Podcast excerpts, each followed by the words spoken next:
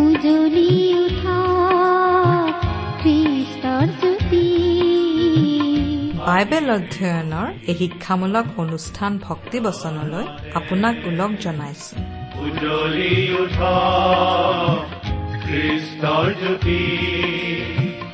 আকাশ বতাহ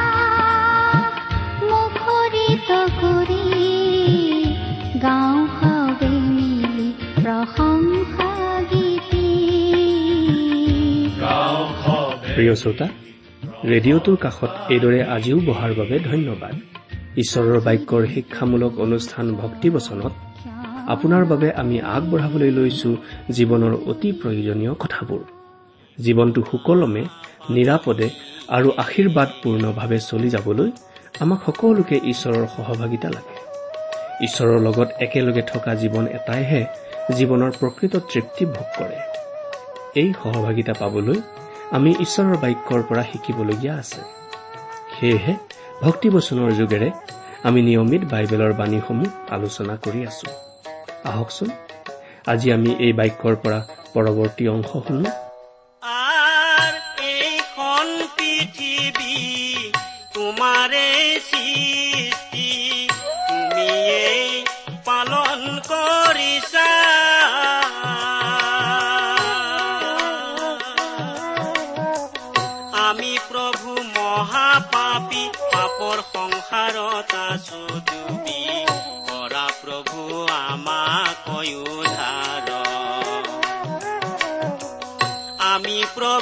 মহাপাপী পাপৰ সংসাৰত আছো ডুবি কৰা প্ৰভু আমাক উদ্ধাৰ অ হে প্ৰভু যীশু তোমাৰ মহিমায় পাৰ তোমাৰ চৰণে নভজিলো শৰণ।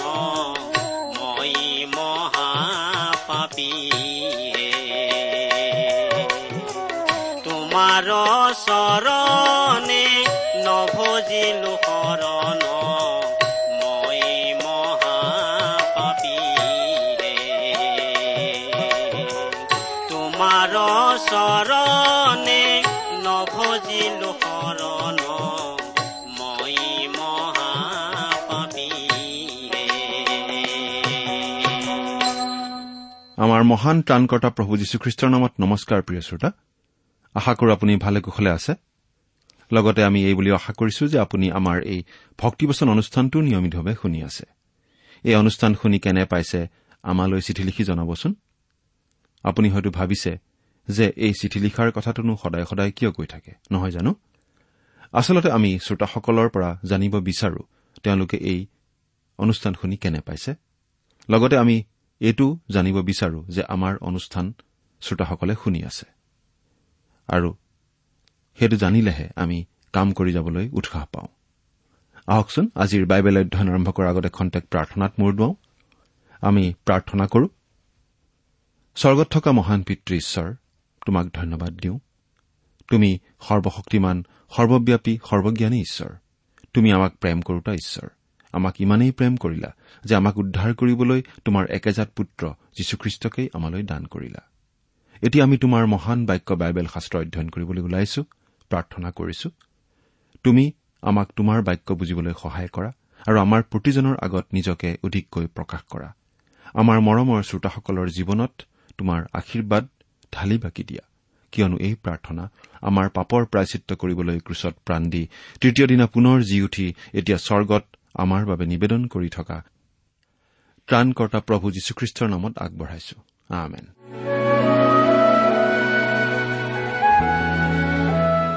প্ৰিয় শ্ৰোতা আপুনি আমাৰ এই ভক্তিবচন অনুষ্ঠানটো নিয়মিতভাৱে শুনি আছেনে বাৰু? যদিহে আপুনি আমাৰ এই অনুষ্ঠানটো নিয়মিতভাৱে শুনি আছে আৰু যদিহে আমাৰ আগৰ অনুষ্ঠানটো আপুনি শুনিছিল তেনেহলে আপুনি নিশ্চয় জানে যে আমি আগৰ অনুষ্ঠানত বাইবেলৰ এখন পুস্তকৰ আলোচনা সামৰণি মাৰিছিলো। গতিকে আজিৰ অনুষ্ঠানত আমি বাইবেলৰ আন এখন পুস্তকৰ অধ্যয়নৰ আৰম্ভণি কৰিম বুলি আপুনি নিশ্চয় আগতেই জানে আৰু সাজু হৈ আছে। কিন্তু আমি আজি কোনখন পুস্তকৰ অধ্যয়ন আৰম্ভ কৰিম সেইটো হয়তো আপুনি অনুমান কৰিছে বা অনুমান কৰিব পৰা নাই। আমি বেছি পাতনি নেমেলি জনাই দিব খুজিছো যে আজিৰে পৰা আমি বাইবেলৰ পুৰণি নিয়মৰ জিচয়া নামৰ পুস্তকখনৰ আলোচনা আৰম্ভ কৰিম। এই জিচয়া পুস্তকৰ ছয়ষষ্ঠিটা অধ্যায় আছে। এখন যথেষ্ট দীঘল পুস্তক। আৰু এই পুস্তকখন আমি যিমান পাৰো সহজ সৰলকৈ আলোচনা কৰি যাম।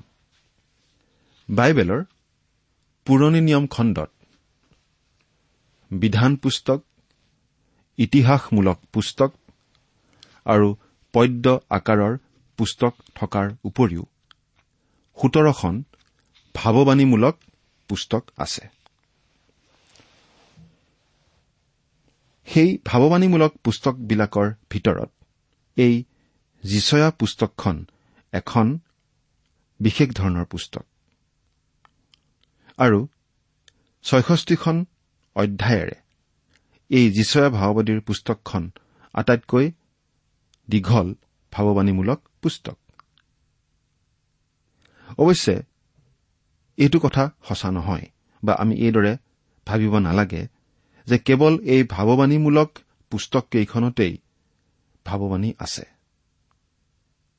মুচিয়ে লিখা বিধান পুস্তক পাঁচখনতো ভাৱবাণী আছে। অৱশ্যে ভাৱবাদীসকলে দিয়া ভাৱবাণীবিলাকৰ যি পুস্তক সেইবিলাকত প্ৰধানতঃ ভাৱবাণীয়েই পোৱা যায়। আৰু ভাৱবাদীসকলো কেৱল ভৱিষ্যৎবাণী কওঁতা লোক নাছিল। ঈশ্বৰৰ পৰা কথা পাই তেওঁলোক অতীত বৰ্তমান আৰু ভৱিষ্যৎ সকলো কালৰেই কথা কোৱা লোক আছিল। ভাৱবাদীসকলে এনেকুৱা ধৰণৰ লোক আছিল যিসকলক ঈশ্বৰে প্ৰস্তুত কৰিছিল। সেই বিশেষ কালচোৱাৰ বাবে যি কালচোৱাত সেই সময়ৰ পুৰোহিত বা ৰজাসকলক ঈশ্বৰে যোগ্য জ্ঞান কৰিব পৰা নাছিল তেওঁৰ কথা জগতৰ মানুহক জনাবলৈ। সেইবাবে ঈশ্বৰে কিছুমান বিশেষ বিশেষ মানুহ সেই বিশেষ বিশেষ সময়ৰ বাবে বাছি লৈ তেওঁলোকৰ যোগেদি কথা কৈছিল ৰজাক বা প্ৰজাক। নাইবা হয়তো সময় বা পৰিস্থিতি সাপেক্ষে পুৰোহিতক। এই ভাৱবাণীমূলক পুস্তককেইখনত ইতিহাস কথা কবিতা আৰু বিধানো আছে। কিন্তু এইবিলাকৰো মূল বাণী ভাৱবাণীয়েই। জিচয়াৰ পৰা আৰম্ভ কৰি মলাখীলৈকে আটাইকেইখন ভাৱবাণীমূলক পুস্তকৰ লিখকসকল ঈশ্বৰৰ ভাৱবাদী আছিল। আজি আমি ডাঙৰ ভাৱবাদী আৰু সৰু ভাৱবাদী ৰূপে ভাৱবাদীসকলৰ পুস্তকবোৰক দুভাগত ভাগ কৰো। কিন্তু সেয়া বৰ কৃত্ৰিম এটা বিভক্তিকৰণহে। কাৰণ নিজৰ নিজৰ আহান আৰু ঈশ্বৰ প্ৰদত্ত দায়িত্ব পালনত তেওঁলোক প্ৰত্যেকেই মহৎ আছিল। কোনজন ডাঙৰ কোনজন সৰু সেইটো আমি আচলতে ক'ব নোৱাৰো। ডাঙৰ ভাৱবাদী আৰু সৰু ভাৱবাদী বুলি ভাগ কৰা হৈছে পুস্তকবিলাকৰ বিষয়বস্তুৰ ভিত্তিত নহয়। কিন্তু পুস্তককেইখনৰ আকাৰ বা কলেবৰৰ ভিত্তিতহে। সৰু ভাৱবাদী বোলা সকলৰ কেইবাগৰাকী ভাওবাদী এটম বোমৰ নিচিনা শক্তিশালী আছিল। পুস্তকৰ কলেবৰ সৰু কিন্তু সৰু পুস্তকবোৰৰ বিষয়বস্তুবোৰ বাস্তৱিকতেই অতি গুৰুত্বপূৰ্ণ। সেইকাৰণে ডাঙৰ ভাওবাদী মানে যিকেইখন ভাওবাদী পুস্তক আকাৰত ডাঙৰ সেই পুস্তককেইখনক ডাঙৰ ভাওবাদী পুস্তক বুলি কোৱা হয়। আৰু আকাৰত সৰুকেইখনক সৰু ভাওবাদী পুস্তক বুলি কোৱা হয়। কিন্তু ভাওবাদী কেইজন? ঈশ্বৰৰ দৃষ্টিত সমান। এই ভাওবাদীসকলে দূৰ ভৱিষ্যতৰ কথাই অকল কোৱা নাছিল কিন্তু অতি অদূৰ ভৱিষ্যতে ঘটিবলগীয়া কিছুমান স্থানীয় ঘটনাৰো কথা তেওঁলোকে কৈছিল। মুচিৰ বিধি অনুযায়ী এই ভাওবাদীসকলে ঈশ্বৰৰ পৰা ভাৱবাণী প্ৰচাৰ কৰাৰ যি দায়িত্বভাৰ পাইছিল তাৰ প্ৰমাণ সাব্যস্ত কৰিবলৈকে তেওঁলোকে এইদৰে ভাৱবাণী প্ৰচাৰ কৰিছিল। ভাৱবাণীৰ বিষয়বস্তুবোৰ লাগিলে মধুৰেই হওক বা গধুৰেই হওক তেওঁলোকে তালৈ কেৰেপ কৰা নাছিল। তালৈ ভ্ৰক্ষেপ নকৰি তেওঁলোকে সেইবোৰ কেৱল মাত্ৰ প্ৰচাৰ কৰি গৈছিল। পুৰোহিত ৰজা আৰু ভাৱবাদীসকলৰ বিধি আমি দ্বিতীয় বিৱৰণৰ পুস্তকত পাওঁ। ভাৱবাদীসকলৰ বাবে বান্ধি দিয়া বিধিৰ বিষয়ে শুনিবচোন। বাইবেলত আমি এনেদৰে পাওঁ কিন্তু মই যি কবলৈ দিয়া নাই তেনে বাক্য যিকোনো ভাৱবাদীয়ে গৰ্ব কৰি মোৰ নামেৰে কব নাইবা আন কোনো দেৱতাৰ নামেৰে কব সেই ভাৱবাদীৰ প্ৰাণদণ্ড হ'ব। আৰু জিহুৱাই যি বাক্য কোৱা নাই তাক মই কেনেকৈ জানিম? এইবুলি যদি মনত তুমি ভাবা তেন্তে শুনা। কোনো ভাৱবাদীয়ে জিহুৱাৰ নামেৰে কথা কলে যদি সেই বাক্য পাছত সিদ্ধ নহয় আৰু একো ফল নধৰে তেন্তে সেই কথা জিহুৱাই কোৱা নাই। সেই ভাৱবাদীয়ে তাক গৰ্ব কৰি কৈছে তুমি তেওঁলৈ ভয় নকৰিবা এইখিনি আমি পাওঁ দ্বিতীয় বিৱৰণ ওঠৰ নম্বৰ অধ্যায়ৰ বিশ নম্বৰ পদৰ পৰা বাইশ নম্বৰ পদলৈকে। ভাৱবাদীয়ে প্ৰচাৰ কৰা কোনো স্থানীয় ভাৱবাণী যদি প্ৰচাৰ কৰাৰ দৰে ঘটা নাই তেন্তে সেইগৰাকী ভাৱবাদীক ভাৰী কোৱা ভাৱবাদী বা মিছলীয়া ভাৱবাদীৰূপে গণ্য কৰা হৈছিল। তেনেকুৱা ভাৱবাদীৰ ভাৱবাণী কোনোমতেই ঈশ্বৰৰ নিশ্বাসিত বচনৰ ভিতৰত নপৰিছিল।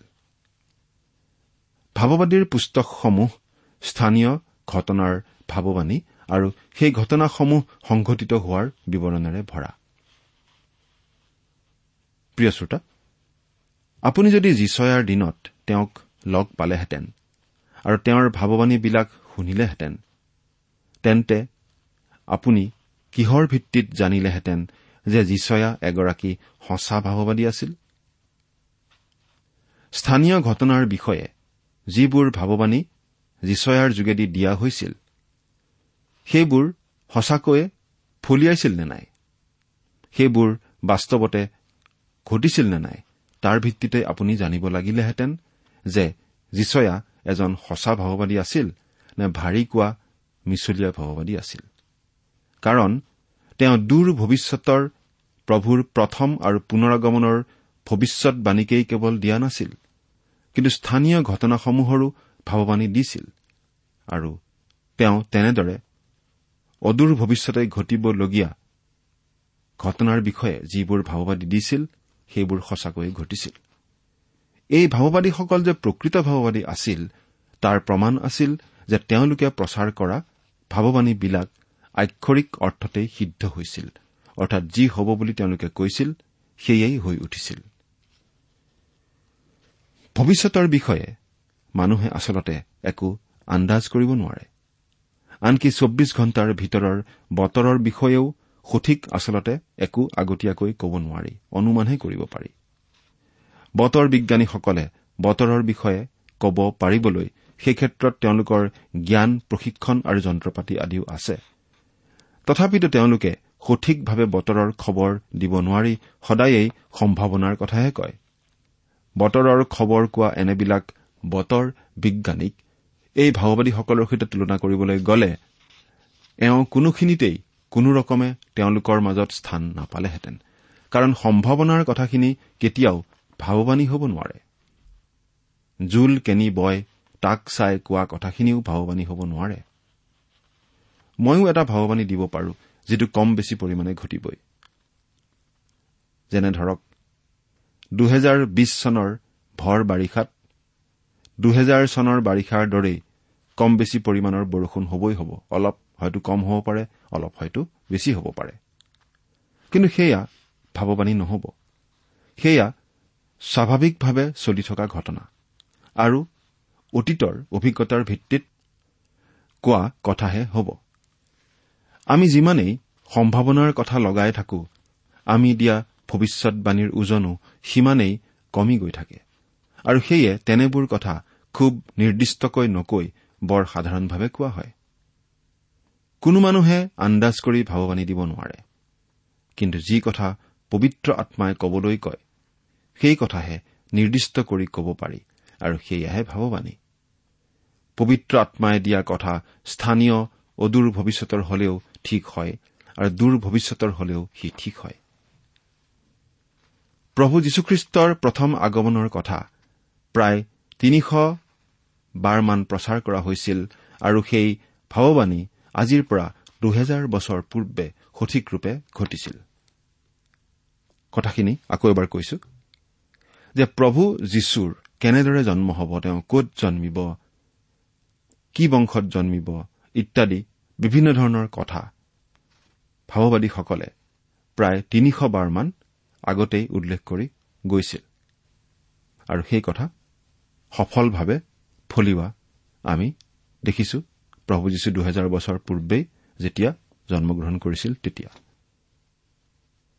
প্ৰভু যীশুৰ প্ৰথম আগমনৰ বিষয়ে এইদৰে তিনিশবাৰ কিয় ঘোষণা কৰিছিল বাৰু? তাৰ উত্তৰত আমি ক'ব লাগিব যে প্ৰভু যীশুখ্ৰীষ্টৰ এই আগমন জগতখনৰ বাবে বৰ প্ৰয়োজনীয় আছিল। জগতৰ মানুহে তেওঁৰ এই আগমনৰ বিষয়ে যেন নজনাকৈ নাথাকে এইবাবেই তেওঁ বাৰে বাৰে তিনিশবাৰেই জনাইছিল। জ্ঞানী ঈশ্বৰে। তেওঁৰ ভাওবাদীসকলৰ জৰিয়তে সেইদৰে তিনিশবাৰ জনোৱাৰ বাবে জগতৰ মানুহে আপত্তি দৰ্শাবলৈ আৰু কোনো বাট নাথাকিল। জ্ঞানী ঈশ্বৰে কৰা এই কামটোৰ দৰে আপোনালোকৰ এই অযোগ্য দাসেও কেইবাবাৰো এই পদ্ধতিটো অৱলম্বন কৰি বৰ উপকাৰ পাইছো। তাৰে এটা হৈছে এনেকুৱা। যে এবাৰ এঠাইত মোক তেওঁলোকৰ সভা এখনলৈ নিমন্ত্ৰণ জনাইছিল। কিন্তু যি দুগৰাকী ডেকাই মোক বৰ জনসমাগমপূৰ্ণ বাছ আস্থানখনৰ পৰা নিবহি তেওঁলোকেও মোক চিনি নাপায় আৰু ময়ো তেওঁলোকক চিনি নাপাওঁ। সেয়েহে মই চিঠিৰে বহুকেইটা চিন আৰু উপায় লিখি জনাইছিলো তেওঁলোকে মোক কেনেকৈ চিনি পাব পাৰে। মই কৈছিলো মোৰ চেহেৰা কেনেকুৱা? কেনেদৰে খোজকাঢ়ো বেছি লেহেম গতিটো নহয় বেছি খৰ গতিটো নহয়। মোৰ নাকটো বেলেগতকৈ অলপ বহল। মূৰটো বেলেগতকৈ অলপ ডাঙৰ। মই ইফালে চাওঁ সিফালে চাওঁ ভালদৰে চাওঁ। মোৰ হাতত থাকিব এটা গধুৰ ব্ৰিফকেছ। বাওঁ হাতত থাকিব অসমীয়া বা ইংৰাজীৰ খবৰ কাগজ এখন। পিন্ধনত দীঘল পেণ্টেৰে পেণ্টত ভৰাই নোলোৱাকৈ পাতলা সেউজীয়া ৰঙৰ হাত চুটি চোলা। মুঠতে মোৰ বিষয়ে মই যিমান পাৰো সিমান বিস্তৃত বিৱৰণ জনাই চিঠিখন লিখিছিলো। প্ৰিয় শ্ৰোতা ইমানখিনি চিন আৰু উপায় দিয়াৰ পাছতো আপুনি ভাবেনে যে ডেকা দুজনে চিনি নাপালো বুলি ক'ব পাৰিব? তেওঁলোকে চিনি নোপোৱাৰ প্ৰশ্নই নাই কাৰণ ইমানখিনি বিস্তৃত বিৱৰণ পোৱাৰ পিছত মোক তেওঁলোকে অতি সহজে বিচাৰি উলিয়াব পাৰিছিল। সেইদৰে পিতৃ ঈশ্বৰেও জগতৰ মানুহ জাতিৰ বাবে আৰু বিশেষৰূপে ইছৰাইল জাতিৰ বাবে বাৰে বাৰে তিনিশবাৰে পৰিত্ৰতা প্ৰভু যীশুখ্ৰীষ্টৰ প্ৰথম আগমনৰ বিষয়ে জনাই আহিছিল যিহৰ বাবে ইছৰাইল জাতি এনেকি গোটেই মানৱ জাতিয়ে আপত্তি কৰাৰ একো বাট নাথাকিল। গতিকে যেতিয়া সঁচাকৈয়ে আগতে জনাই অহাৰ নিচিনাকৈয়ে প্ৰভু যীশু এই জগতলৈ প্ৰথমবাৰ আহিছিল বৰ নম্ৰ নিশ্চভাৱে বৈতলেহেমৰ গোহালি ঘৰত যেতিয়া তেওঁ জন্মগ্ৰহণ কৰিছিল।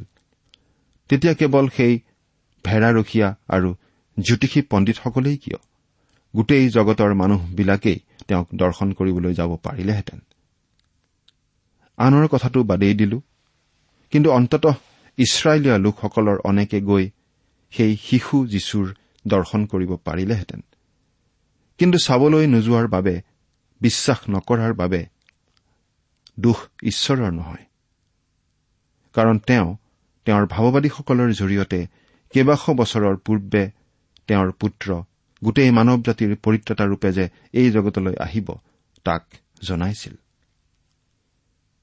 এই ভাৱবাদীসকলে সম্পূৰ্ণৰূপে জাতীয় সমস্যাৰ সৈতে জড়িত আছিল। তেওঁলোকে উচ্চ আৰু নিম্ন সকলো পৰ্যায়ৰে পাপ কাৰ্য আৰু পাপ আচৰণৰ বিৰুদ্ধে ভাৱবাণী প্ৰচাৰ কৰিছিল। তেওঁলোকে স্বজাতিৰ শাসক আৰু ধৰ্মীয় নেতাসকলক প্ৰয়োজন সাপেক্ষে ঈশ্বৰৰ আদেশ পাই সতৰ্ক কৰি দিবলগীয়া হৈছিল। কোনো তেল মৰা বিধৰ বাণী তেওঁলোকৰ নাছিল। কাকো খোচামোদ কৰিবলৈ কাকো তোষামোদ কৰিবলৈ তেওঁলোকে ভাৱবাণী দিয়া নাছিল। তেওঁলোকে কাৰো মুখলৈ নোচোৱাকৈ সেই ভাৱবাণী ঘোষণা কৰিছিল। তেওঁলোকে ৰজাই হওক বা প্ৰজাই হওক কাৰো মুখলৈ নাচাইছিল। গৰ্বী মানুহবিলাকক নম্ৰ হৈ ঈশ্বৰৰ গুৰিলৈ ঘূৰি আহিবলৈ তেওঁলোকে আহান জনাইছিল। তেওঁলোকৰ এই ভাৱবাণীবিলাকত জুই আৰু চকুলো মিশ্ৰিত হৈ আছিল। কাৰণ এইবোৰ ভাৱবাণী কেৱল মন্দ দিন আৰু ধ্বংসৰেই নাছিল কিন্তু এইবোৰৰ মাজেৰে তেওঁলোকে প্ৰভুৰ গৌৰৱৰ দিনো দেখি পঠিয়াইছিল। নিশাৰ অন্ধকাৰৰ মাজেৰে তেওঁলোকে নতুন দিন এটাৰ সুন্দৰ ৰাতিপুৱা এটাও দেখিবলৈ পাইছিল। পাপ নিশাৰ মাজতে তেওঁলোকে পৰিত্ৰাতা প্ৰভুৰ আগমন দেখা পাইছিল। এক সাৰ্বভৌম ব্যক্তিৰূপে প্ৰভুক তেওঁলোকে দেখিছিল। লগতে তেওঁলোকে দেখা পাইছিল শেষকালৰ হাজাৰ বছৰ ৰাজত্বৰ দিন আৰু সদৌ শেষত শেষকালৰ শেষ দৃশ্য অনন্ত সুখৰ কাল সৰগত প্ৰভুৰ সৈতে। অৱশ্যে এই ভাওবাদীসকল কোনো অতিমানৱ নাছিল। আমাৰ নিচিনা তেজ মঙহৰ আৱেগ অনুভূতিৰ সাধাৰণ মানুহেই আছিল। কিন্তু তেওঁলোকে ঘোষণা কৰা কথাবিলাক ঈশ্বৰৰ পৰা পায়। ঈশ্বৰৰ কাৰণে ঘোষণা কথা হোৱাৰ বাবে ঈশ্বৰ নিশ্বাসিত বচনৰূপে পৰিগণিত হৈছে। নৱবিধানৰ লিখকসকলে ইয়াৰ সত্যতা সাব্যস্ত কৰিছে। প্ৰথম পিতৰ এক নম্বৰ অধ্যায়ৰ দহ আৰু এঘাৰ পদ আৰু দ্বিতীয় পিতৰ এক নম্বৰ অধ্যায়ৰ পোন্ধৰৰ পৰা একৈশ নম্বৰ পদলৈ পঢ়িলে আমি এই বিষয়ে জানিব পাৰিম। নিজৰ ক্ষেত্ৰত ব্যক্ত কৰা কথাত কেৱল জিৰিমিয়া আৰু হোছেয়াই কিছু ব্যতিক্ৰম।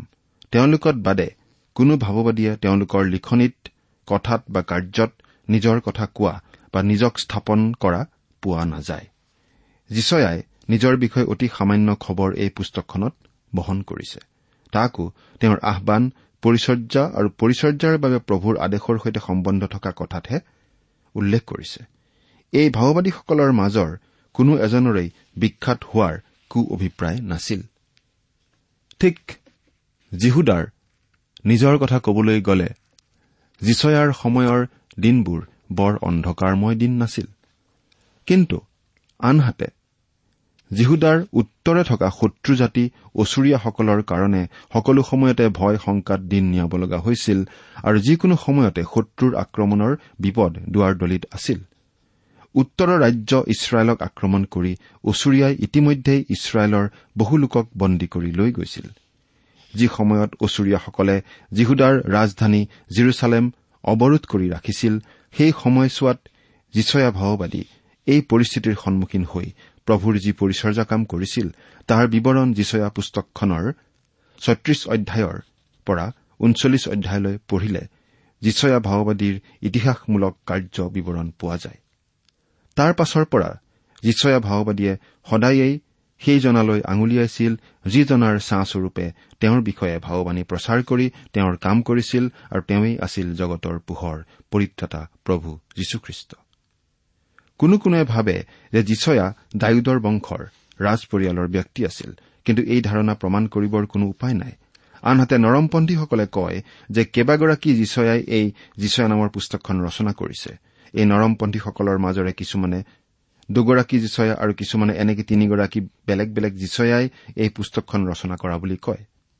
কিন্তু নতুন নিয়মৰ লিখকসকলৰ যিমান কেইজনে এই পুস্তকৰ পৰা উদ্ধৃতি দিছে তেওঁলোকৰ আটাইকেইজনেই এজন যিচয়াৰ লিখনিৰ পৰা উদ্ধৃত কৰাৰ দৰেই উদ্ধৃত কৰে।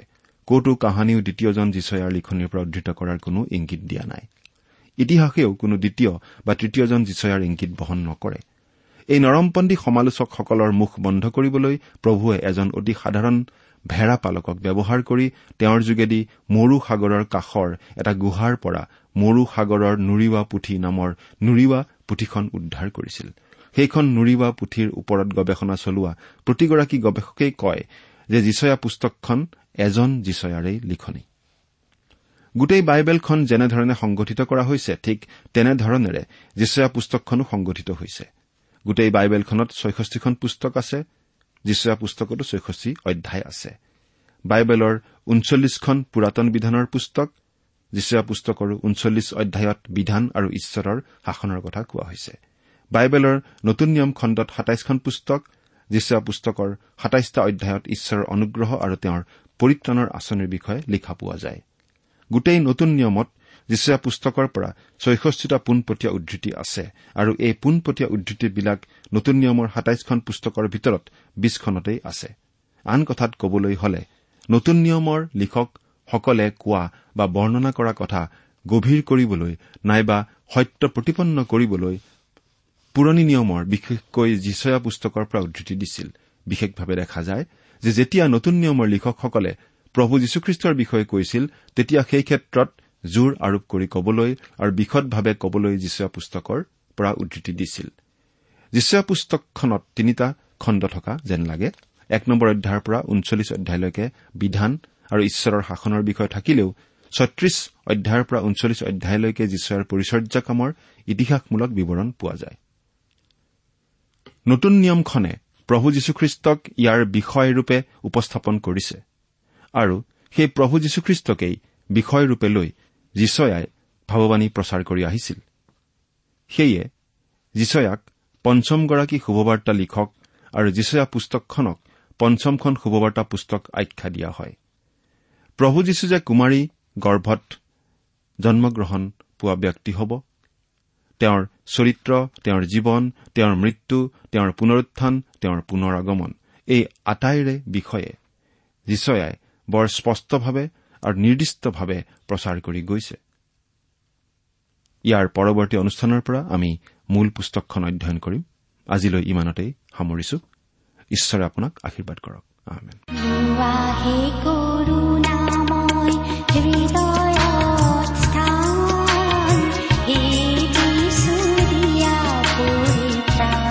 ইমান পৰে আপুনি ঈশ্বৰৰ বাক্যৰ পৰা শিক্ষা শুনিলে এই বিষয়ে আপোনাৰ মতামত জানিবলৈ পালে আমি নথৈ আনন্দিত হ'ম।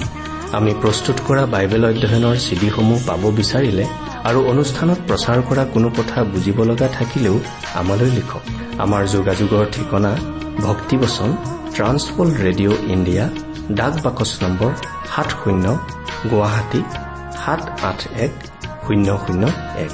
ঠিকনাটো আকৌ এবাৰ কৈছো ভক্তিবচন ট্ৰান্সৱল ৰেডিঅ' ইণ্ডিয়া ডাক বাকচ নম্বৰ সাত শূন্য গুৱাহাটী সাত আঠ এক শূন্য শূন্য এক। আমাৰ ইমেইল এড্ৰেছটো হৈছে Assamese T TV at the rate radio' eight eight two dot com. আমাৰ website W W W dot T W R dot in. আপুনি টেলিফোনৰ মাধ্যমেৰেও আমাক যোগাযোগ কৰিব পাৰে। আমাৰ টেলিফোন নম্বৰটো হৈছে nine eight five four zero' four zero' eight eight nine.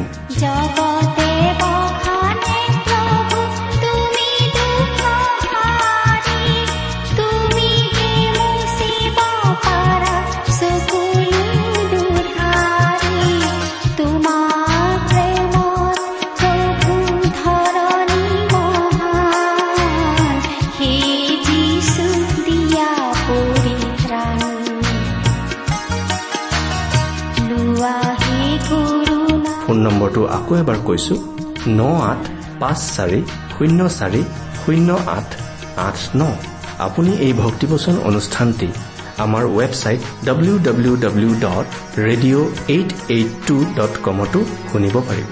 আজিৰ অনুষ্ঠানটি ইমানতেই সামৰিছো। ঈশ্বৰৰ শান্তি আৰু অনুগ্ৰহ আপোনাৰ লগত থাকক। ধন্যবাদ। পাপৰ কালিমা লগা যিখনি ধৰণি পাপৰ